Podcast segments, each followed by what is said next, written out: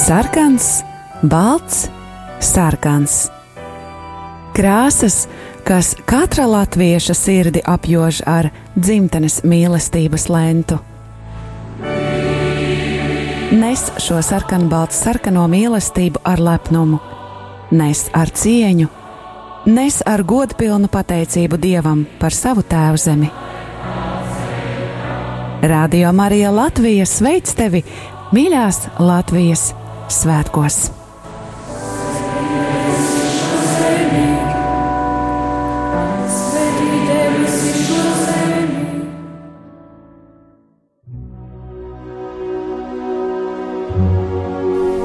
Mīlestība un patiesība. Kādas saites tās vieno? Mēs esam cieši saistīti pirmkārt ar sevi, ar savu būtību, un arī ar pārējo pasauli, ar līdzcilvēkiem, ar sabiedrību. Kur ir mūsu vieta šajā pasaulē? Kā mums katram atrast savu patieso aicinājumu un vietu? Kā sasniegt savas dzīves piepildījumu, mīlestību? Kādi šķēršļi gan mūsu sirdī un prātā sastopamie, gan ārējie aizķēso mūsu ceļu pie Dieva? Šie jautājumi ir mūsu dzīves sastāvdaļa, svarīgi mūsu ceļā uz svētumu. Meklēsim šajā raidījumā kopā atbildes uz šiem jautājumiem. Ieklausīsimies, ko Dievs mums vēlas pateikt ar visu, ko sastopam savā dzīvē. Lai mūsu sirds un prāti atveras mīlestībai un patiesībai. Raidījums mīliet cits citu.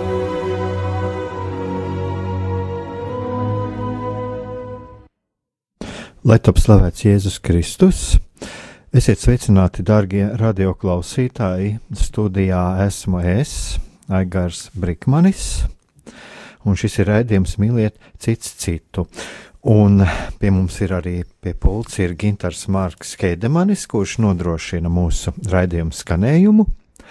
Un šodienas temats ir Latvija.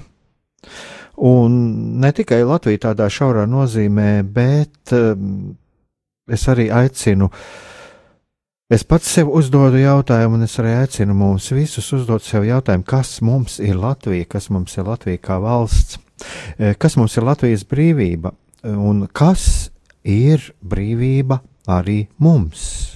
Kas ir brīvība mūsu tautai, kas mums ir mūsu tautas brīvība, un kas ir brīvība mums katram personīgi. Tā kā šis ir šis, šī nedēļa, kas ir laiks starp 11. un 18. novembri, tad es arī izvēlējos šo raidījumu, šo savu raidījumu veltīt tieši šiem jautājumiem. Un tāpēc es eh, neaicināju nevienu viesi, jo šajā ikdienas steigā man arī bija grūti izvēlēties kādu viesi, kādu īpašu viesi, kurš varētu piedalīties šajā raidījumā. Un tieši tāpēc es vairāk nolēmu vērsties pie, pats pie, šā, pie šādām pārdomām un arī rosināt jūs padalīties. Un jūs jau variet to sākt dalīt, darīt tagad, sūtot izziņas uz numuru 266, 77, 272, vai arod, arī zvanot uz numuru 67, 969, 131, vai arī rakstot uz e-pastu studija at rml.lv.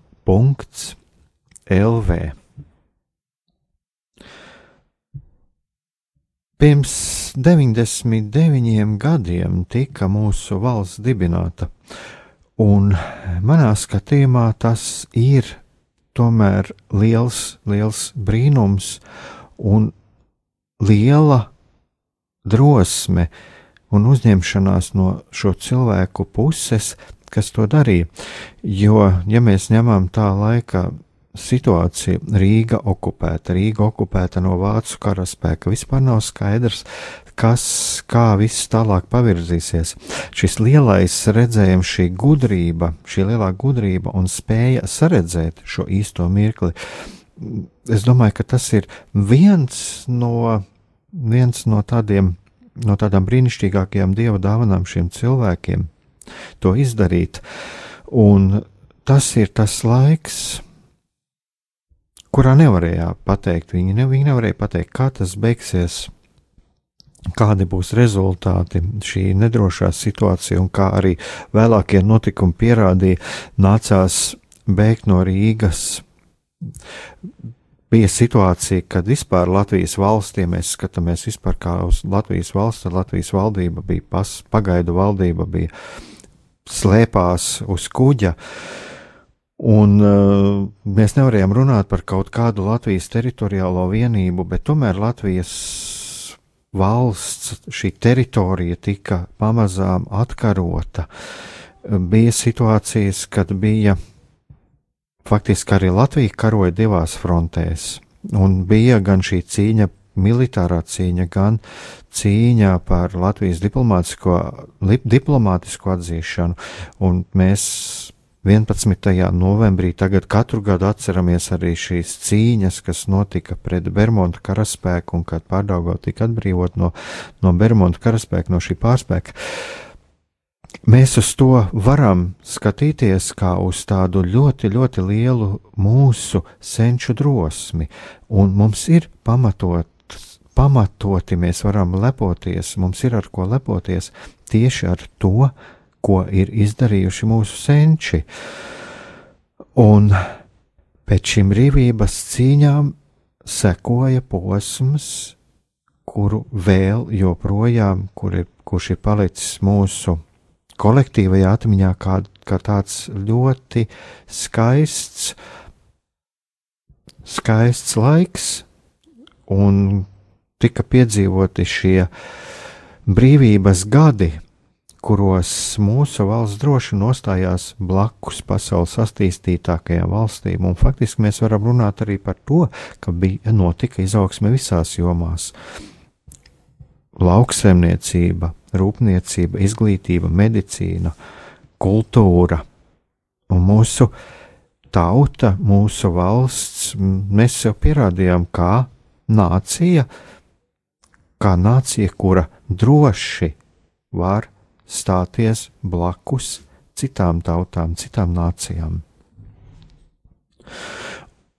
Un, ja mēs atskatāmies uz šo laiku, tomēr mums ir arī vērtīgi padomāt par to, kāpēc, kāpēc mums neizdevās savu neatkarību nosargāt, atšķirībā no Somiem Kas bija tas iemesls, kas bija tas iemesls arī šiem smagajiem okupācijas gadiem? Un te ir arī vērts apskatīties eh, šajā vēsturē, lai mēs tomēr arī iegūtu kaut kādu mācību no šīs pagātnes. Protams, Mēs jau varam runāt par to, ka Latvijas šī, šī neutralitātes politika, ko Latvija piekopa, sevišķi, kas tika aktīvi uzsvērts 30. gadu beigās, e, paļaušā, paļaušanās uz vadonību, ka tas viss bija pie vainas. Mēs varam runāt par politisko situāciju, kas bija izveidojusies, bet ja mēs salīdzinām tā laika norises Eiropā ar, un Eiropā un arī pasaulē ar mūsu laika norisēm, Tad kur ir šī vaina? Kur ir šī vaina un kāpēc neizdevās nosargāt to, ko bija cilvēki, būtībā tie paši cilvēki toreiz dzīvoja, kuri bija ar ieročiem rokās ar savām asinīm izcīnījuši mūsu valsti, kāpēc to neizdevās nosargāt. Un vēl viens ļoti būtisks jautājums ir arī uzdot mums jautājumu šodien. Kāpēc ir tā? Kāpēc ir tā, ka tik daudzi brauc projām? Un kāpēc ir šis sociālā noslāņošanās? Ko mēs katrs, ko mēs katrs personīgi varam darīt, lai šo situāciju atrisinātu?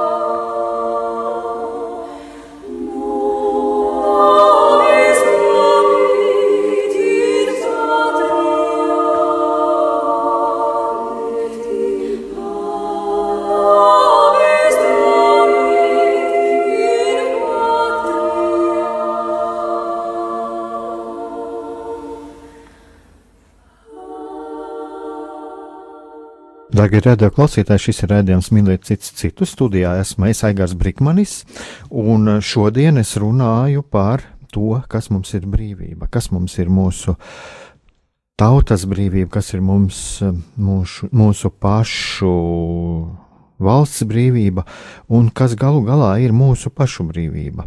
Jo tās tomēr ir savstarpēji cieši saistītas lietas.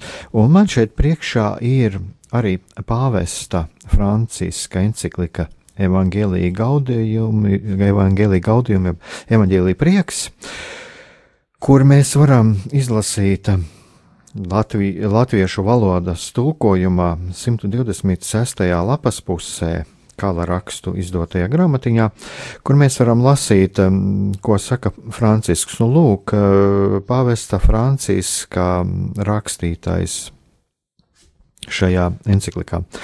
Katrā nācijā iedzīvotāji veido savas dzīves sociālo dimensiju, darbojoties kā atbildīgi pilsoņi savas tautas vidū, nevis kā valdošo spēku bīdīts pūlis.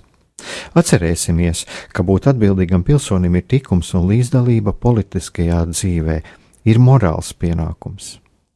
Tomēr kļūt par tautu nozīmē vēl ko vairāk. Tas ir pastāvīgs process, kurā jāpiedalās katrai jaunai paaudzei.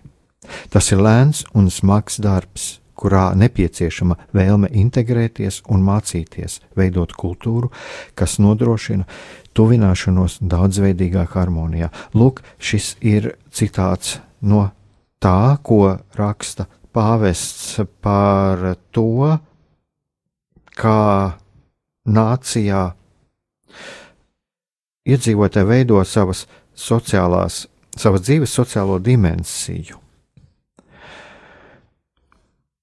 Un eh, par eh, to mēs varam arī lasīt eh, Katoļu baznīcas katehismā. Man šeit ir priekšā, es izdrukāju no, no 4. baušļa, kurš ir tev būs godāt savu tēvu un savu māti, lai tu ilgi dzīvot savā zemē, kuru tev dos kungs. Tavs dievs. Šeit mēs redzam šo saistību starp, starp šo senču godināšanu un ilgo dzīvošanu zemē, kur mums ir devis dievs. Un uh, mēs arī varam katehismā izlasīt arī par to, ka uh, jā, tas attiecas arī uz pilsoņu pienākumu pret savu tēvu zemi un tiem, kas to vada un pārvalda. Tātad, kas ir, ko mums nozīmē šī, šīs attiecības ar savu valsti, ko mums nozīmē šis pilsoņu pienākums un ko mums nozīmē mūsu brīvība. Darbie radioklausītāji, jūs varat arī padalīties ar savām domām, eh, sūtot izziņas uz numuru 266, 772, 72 vai zvanīt uz numuru 67, 969, 131, vai arī rakstīt uz e-pastu studija at rml.lv.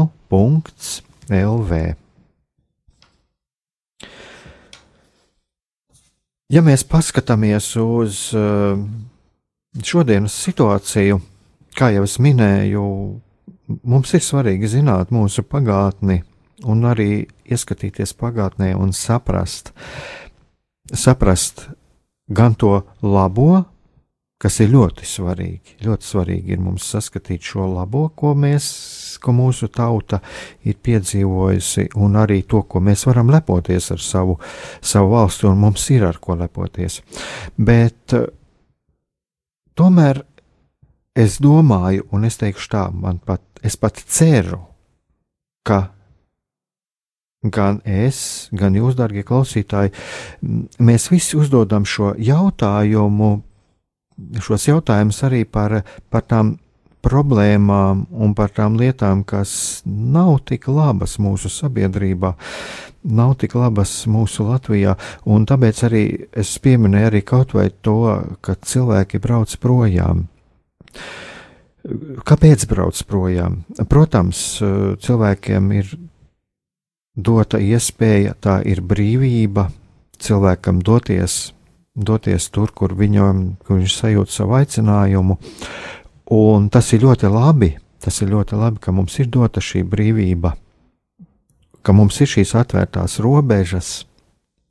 Bet šeit man gribās uzdot jautājumu, tā kā es uzdevu vienā sarakstē par, par baznīcu, kur, uz, kur cilvēki satraucās par to, ka ir baznīca, bet ir citus blakus viena cita vieta, viena skulptūra, un kad lūk, cilvēki dodoties vairāk pie vairāk pie šīs skulptūras nekā, nekā uz šo baznīcu, šo draugu.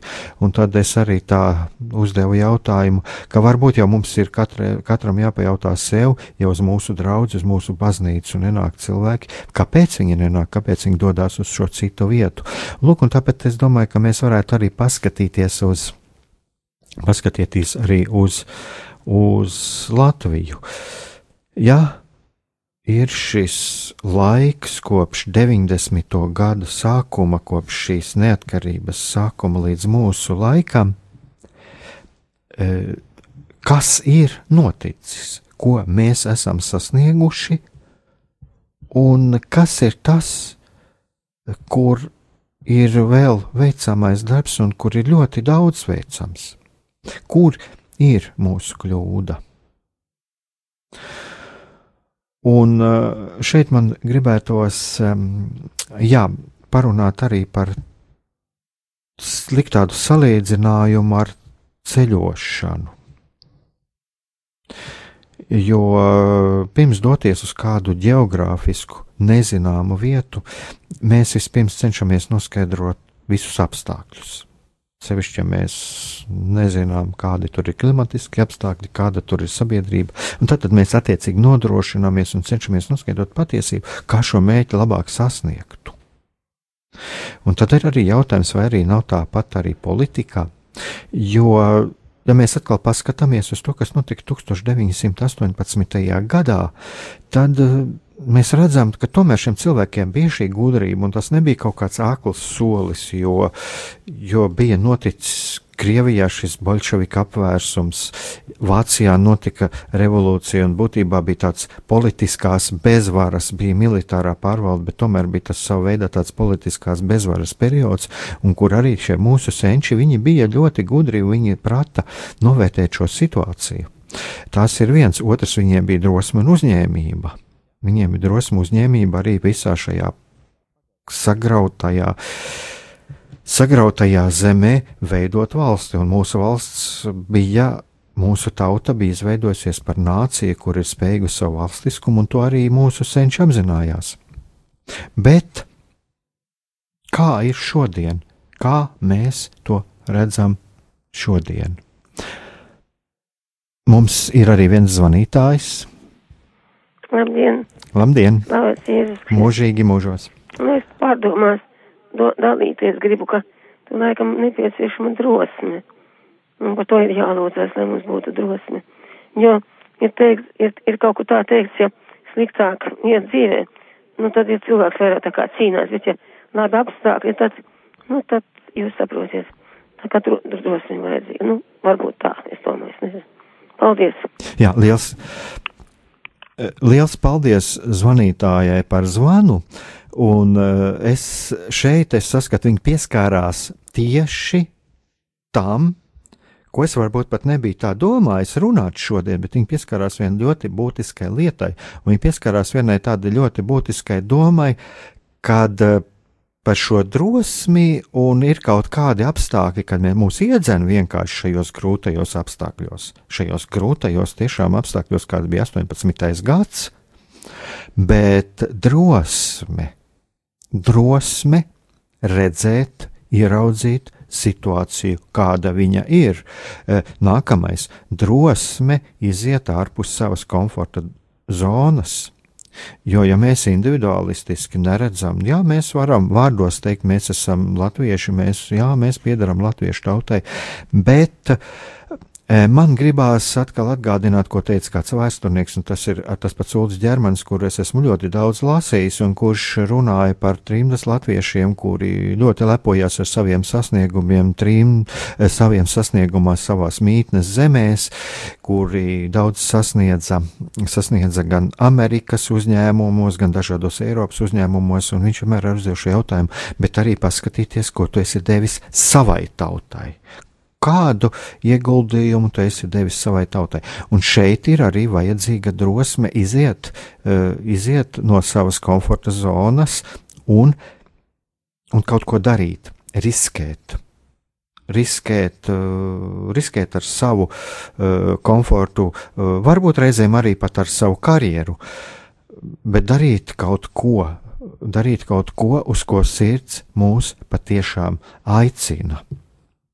Un uh, šī, šo, šo, šo drosmi, šo drosmi mēs jau, ja mēs arī paskatāmies uz ko mūsu reiz par reizēm aicina arī Pāvests Francisks, viņš jau arī aicina iziet no komforta zonas un būt drosmīgiem.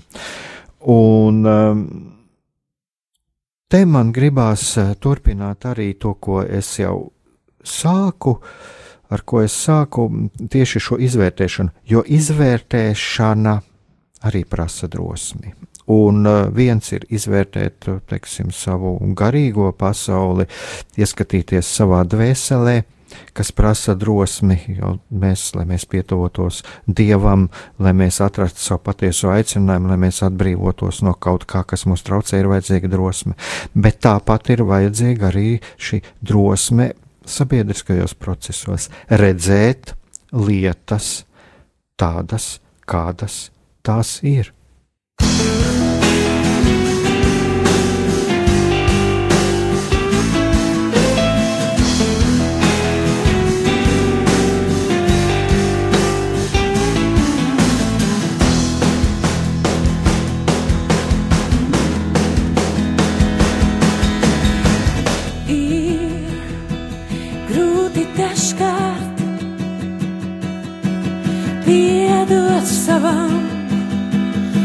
vaca.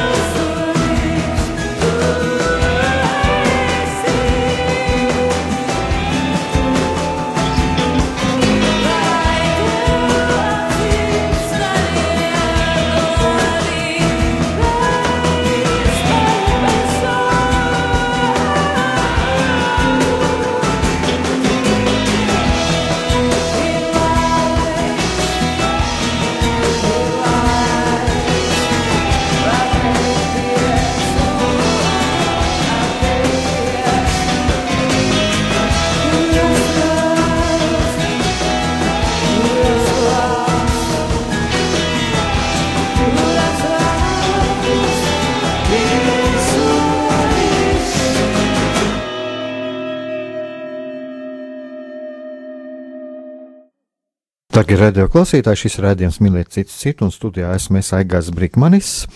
Un šodien, šodien es runāju par to, kas mums ir brīvība, kas mums ir Latvija, kas mums ir pašu, pašu individuālā brīvība un um, ko mums darīt, ko mums darīt uh, arī savas valsts, savas tautas labā. Un, uh, jo Dievs, Dievs mums ir devis iespēju šeit piedzimt šajā zemē. Un tā tad dievam ir kaut kāds plāns, ka mēs esam piedzimuši šajā zemē, piedzimuši savā tautā.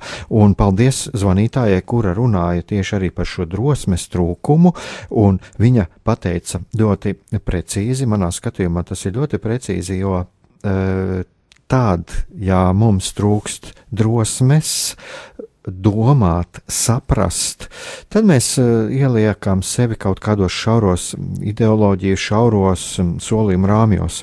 Un šeit man ir priekšā teksts no, no vienām manām pārdomām, ko es gatavoju pirms nu, jau gandrīz desmit gadiem Vatikāna radio, un es vienkārši šo tekstu pārlasot, es redzu, ka būtībā jau nekas daudz nav mainījies, un es domāju, ka tas būs aktuāli vispār, kamēr pastāvēs cilvēce. Un lūk, šeit ir. Es nolasīšu tieši to, ko es rakstīju pirms deviņiem gadiem. Tātad, šodien mēs daudz dzirdam un lasām aicinājumus būt darbīgiem, pildīt savu pilsonisko pienākumu. Taču mēs ļoti maz dzirdam, ka kāds mūs aicinātu iedziļināties mūsu darbības motivācijā. Mūs aicina sekot līdzi sabiedriskajām norisēm, Taču mēs nedzirdam, ka kāds aicinātu mūs šo, iedziļināties šo norisu cēloņos. Mūs aicina būt informētiem, taču neaicina izvērtēt informācijas avotus un informācijā atspoguļoto norisu cēloņus.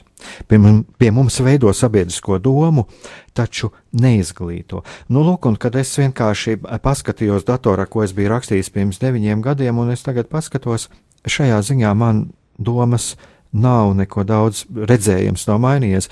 Protams, ir labi, ka mums tagad pievēršās visam šīm fake news un, un visām šīm problēmām, kas ir. Tā tad jau notiek virzība arī šīs izglītošanas virzienā.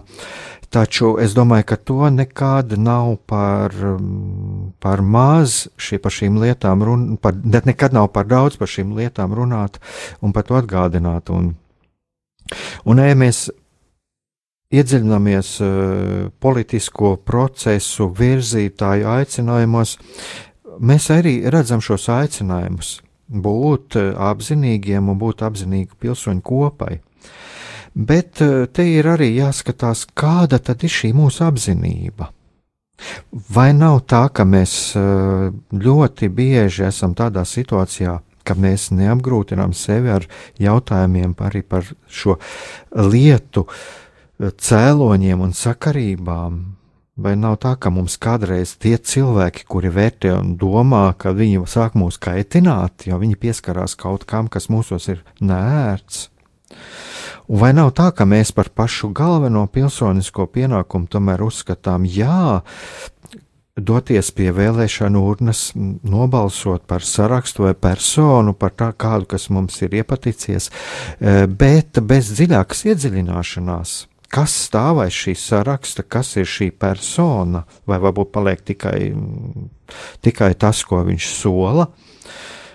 Mēs, protams, varam būt arī dažādi aktīvi aptauju un referendumu dalībnieki. Mēs iespēju robežās varam ļoti daudz lasīt, dažādus preses izdevumus, skatīties televīziju, klausīties radio diskusijas. Un jā, Mēs varam būt arī tādi, kuri zina daudzus faktus. Varbūt mēs zinām, ko runā sabiedrībā zināmi cilvēki, un varbūt mums ir galvā daudz zināšanu par frāzēm, faktiem, mēs zinām viedokļus, pat likumprojektus, priekšvēlēšanu programmas, mēs to visu varam pārzināt. Mēs varam daudz zināt, bet diemžēl, bet diemžēl ne vairāk. Varbūt var gadīties arī tā, ka diemžēl mums ir zināšanas, bet ne vairāk. Vai mēs meklējam arī šo mūsu izzināto faktu sakarības. Varbūt ir tā, ka mēs eh, vienmēr atrodam kādu, kurš ir mums gatavs paskaidrot, izdiskutēt un izdarīt secinājumus. Tā tad izdarīt secinājumus mūsu vietā. Un varbūt ir tā, ka mēs neapgrūtinām sevi ar analizēšanu un savu prāta spēju izkopšanu. Un varbūt mēs nemeklējam paši savu viedokli jo taču vienmēr mēs varam atrast kādu viedokli, kuram pievienoties. Un tāpat ir arī ar vēsturi. Varbūt arī labākajā gadījumā mēs apmierinamies ar viedokļiem, ar skatījumiem, kas gadu desmit laikā ir izveidoti. Varbūt mums ir tik daudz iekšā, mūsu apziņā ir ļoti daudz mītu, tādas sabiedrībā populāri priekšstati. Un jā, mēs varam būt apzinīgi, lojāli pilsoņi. Bet vai tas ir tas, ko Dievs mums vēlās, vai šī mūsu apzinība un jo, jo, lojalitāte ir uh, balstīta patiesībā? Lūk, un šeit ir uh, tas, ko es vēlos uzdot šo jautājumu sev un jums, darbie radioklausītāji, uz ko ir vērsts mūsu apzinīgums? Vai mēs esam apzinīgi izturējušies arī pret savu sirdsapziņu un pret mūsu veselo saprātu, un vai mēs esam ieklausījušies arī mūsu prātā un sirdsapziņā, ko mums saka sirdsapziņa, ko mums saka prāts, kur mums ir piešķīris Dievs? Vai varbūt mēs sēžam savā tautisko priekšstatu cietoksnī, savu reliģisko priekšstatu cietoksnī. Varbūt mēs sēžam savā cietoksnī, tāpēc ka mēs jūtamies labi, eh, pareizi, un apkārt mēs redzam apdraudējumus. Un lūk, šis jautājums ir ļoti svarīgs. Vai mēs esam meklējuši patiesību, vai mēs meklējam? Jo apzinīgums ir laba īpašība, ja tas ir izlaists caur mūsu sirdsapziņu un veselā saprāta filtru.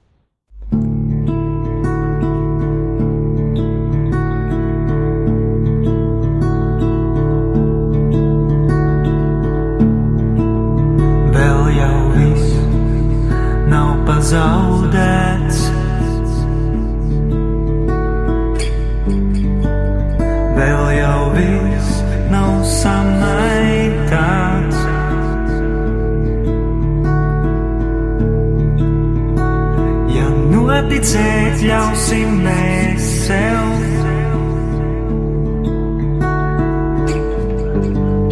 Kad cīņas gars modīsies drīz.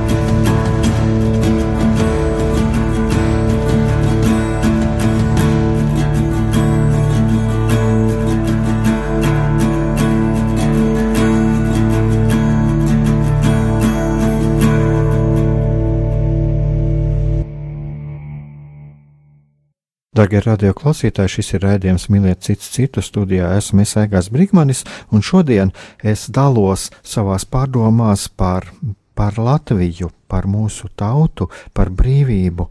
Kas ir brīvība un kā mums kļūt brīviem? Un kā mums arī šo brīvību saglabāt?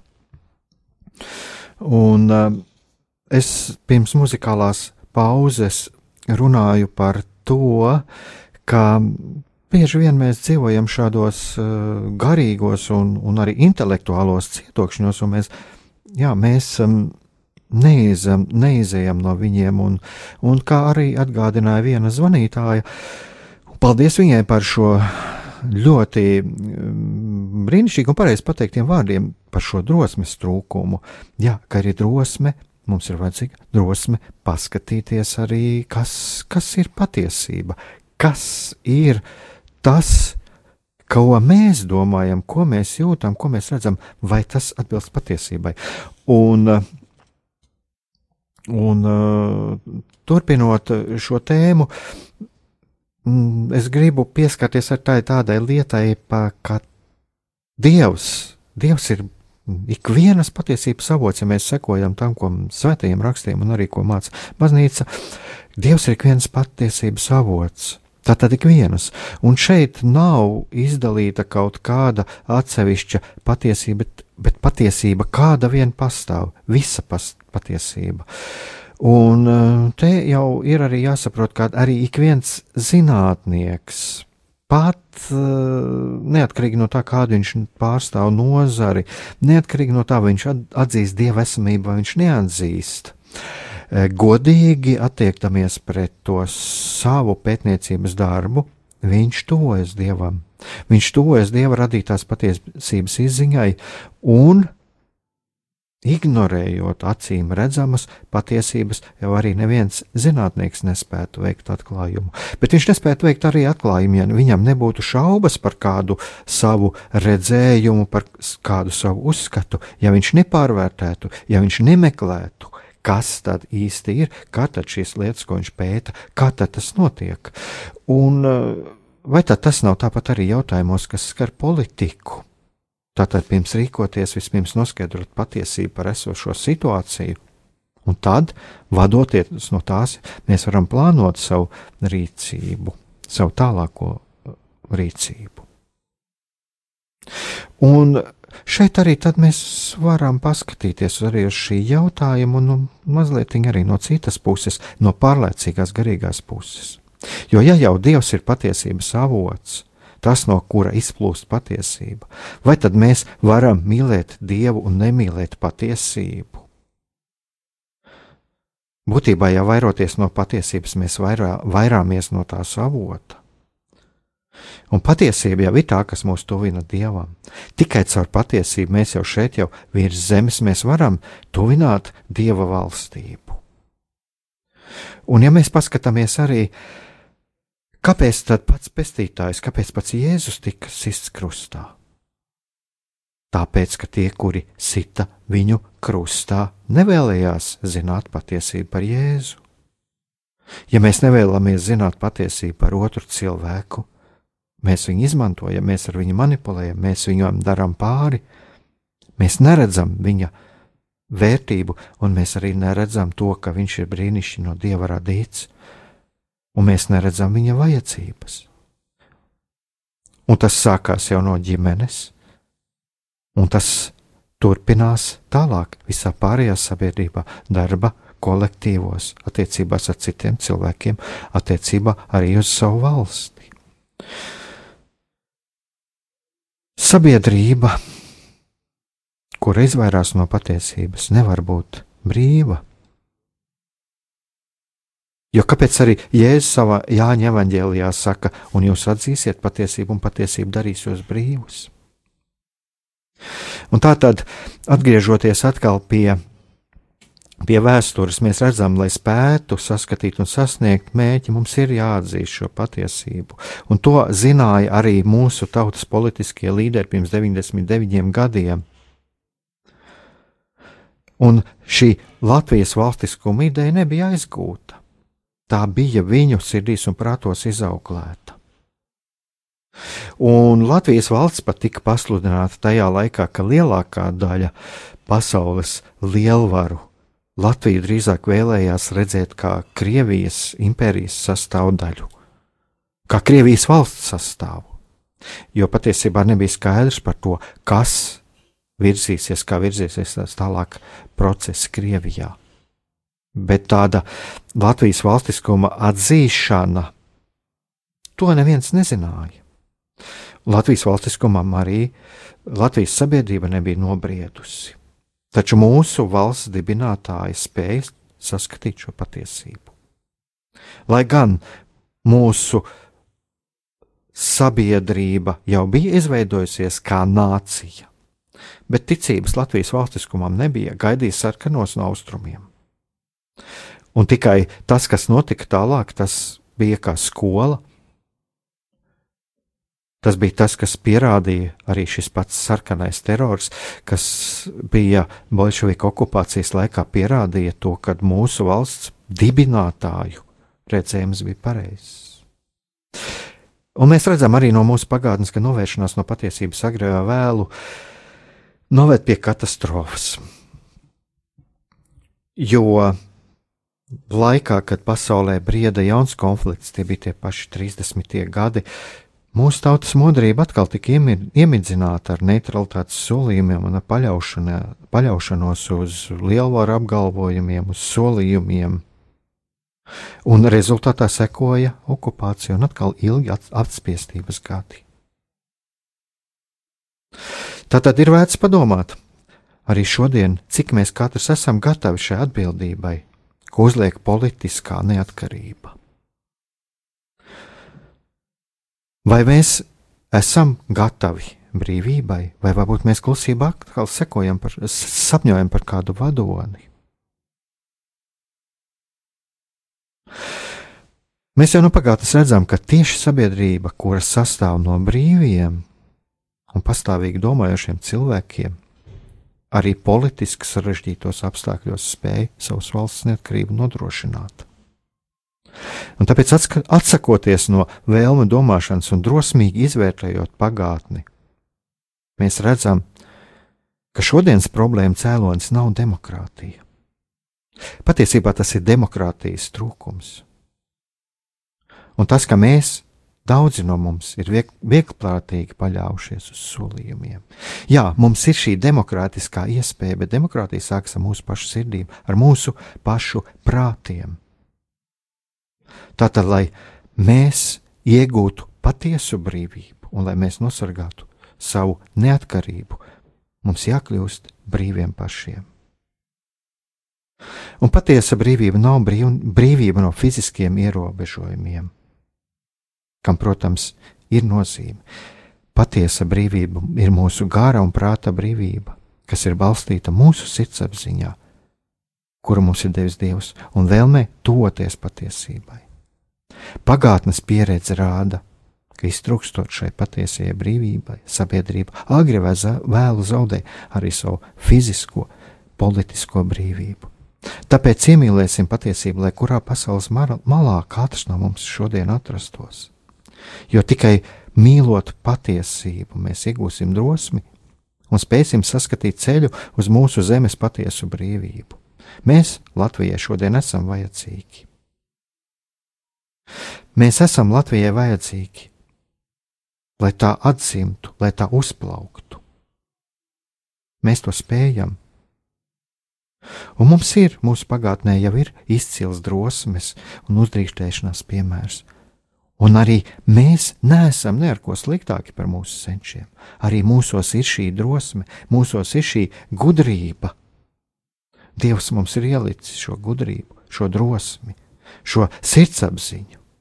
Un, ja mēs sekosim tam, tad mēs piedzīvosim savas zemes patiesu brīvību un pateiksimies Dievam par to, ka Viņš mums ir devis iespēju šeit dzīvot savā valstī, būt brīviem, lūgties, slavēt Dievu un kopt pašiem savu zemi un gādāt par tās brīvību un drošību.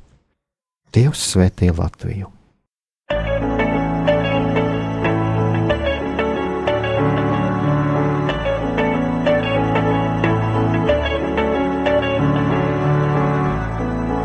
Tēvzeme Latvijā tu Māte, kas sargā un tīk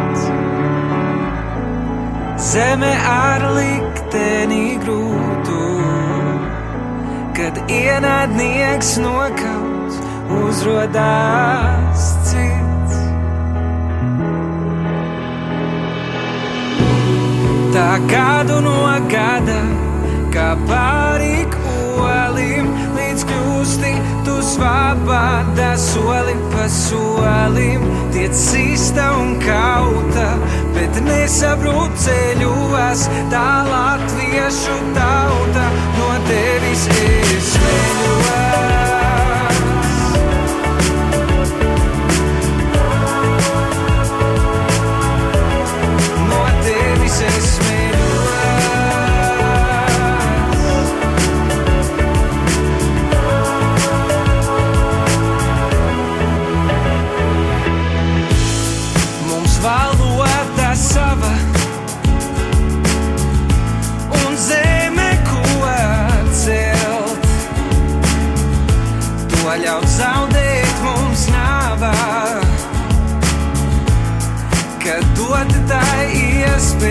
iespēja plaukt un zilt. Uh, uh. Tā gadu no gada, kā pārik olim, līdz kļūsti tu svabāta soli pa solim, tiec sista un kauta, bet nesabrūt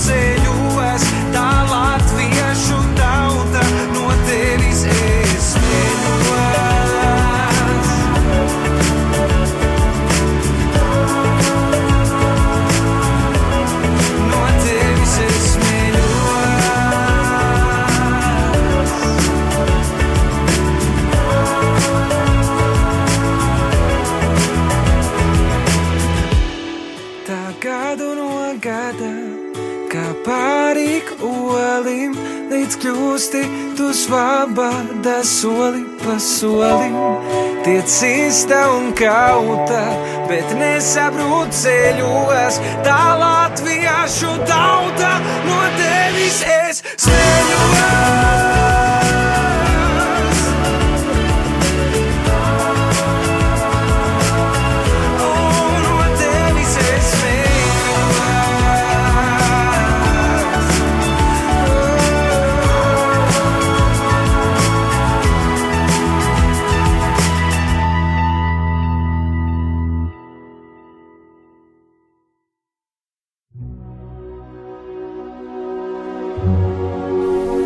Mīlestība un patiesība.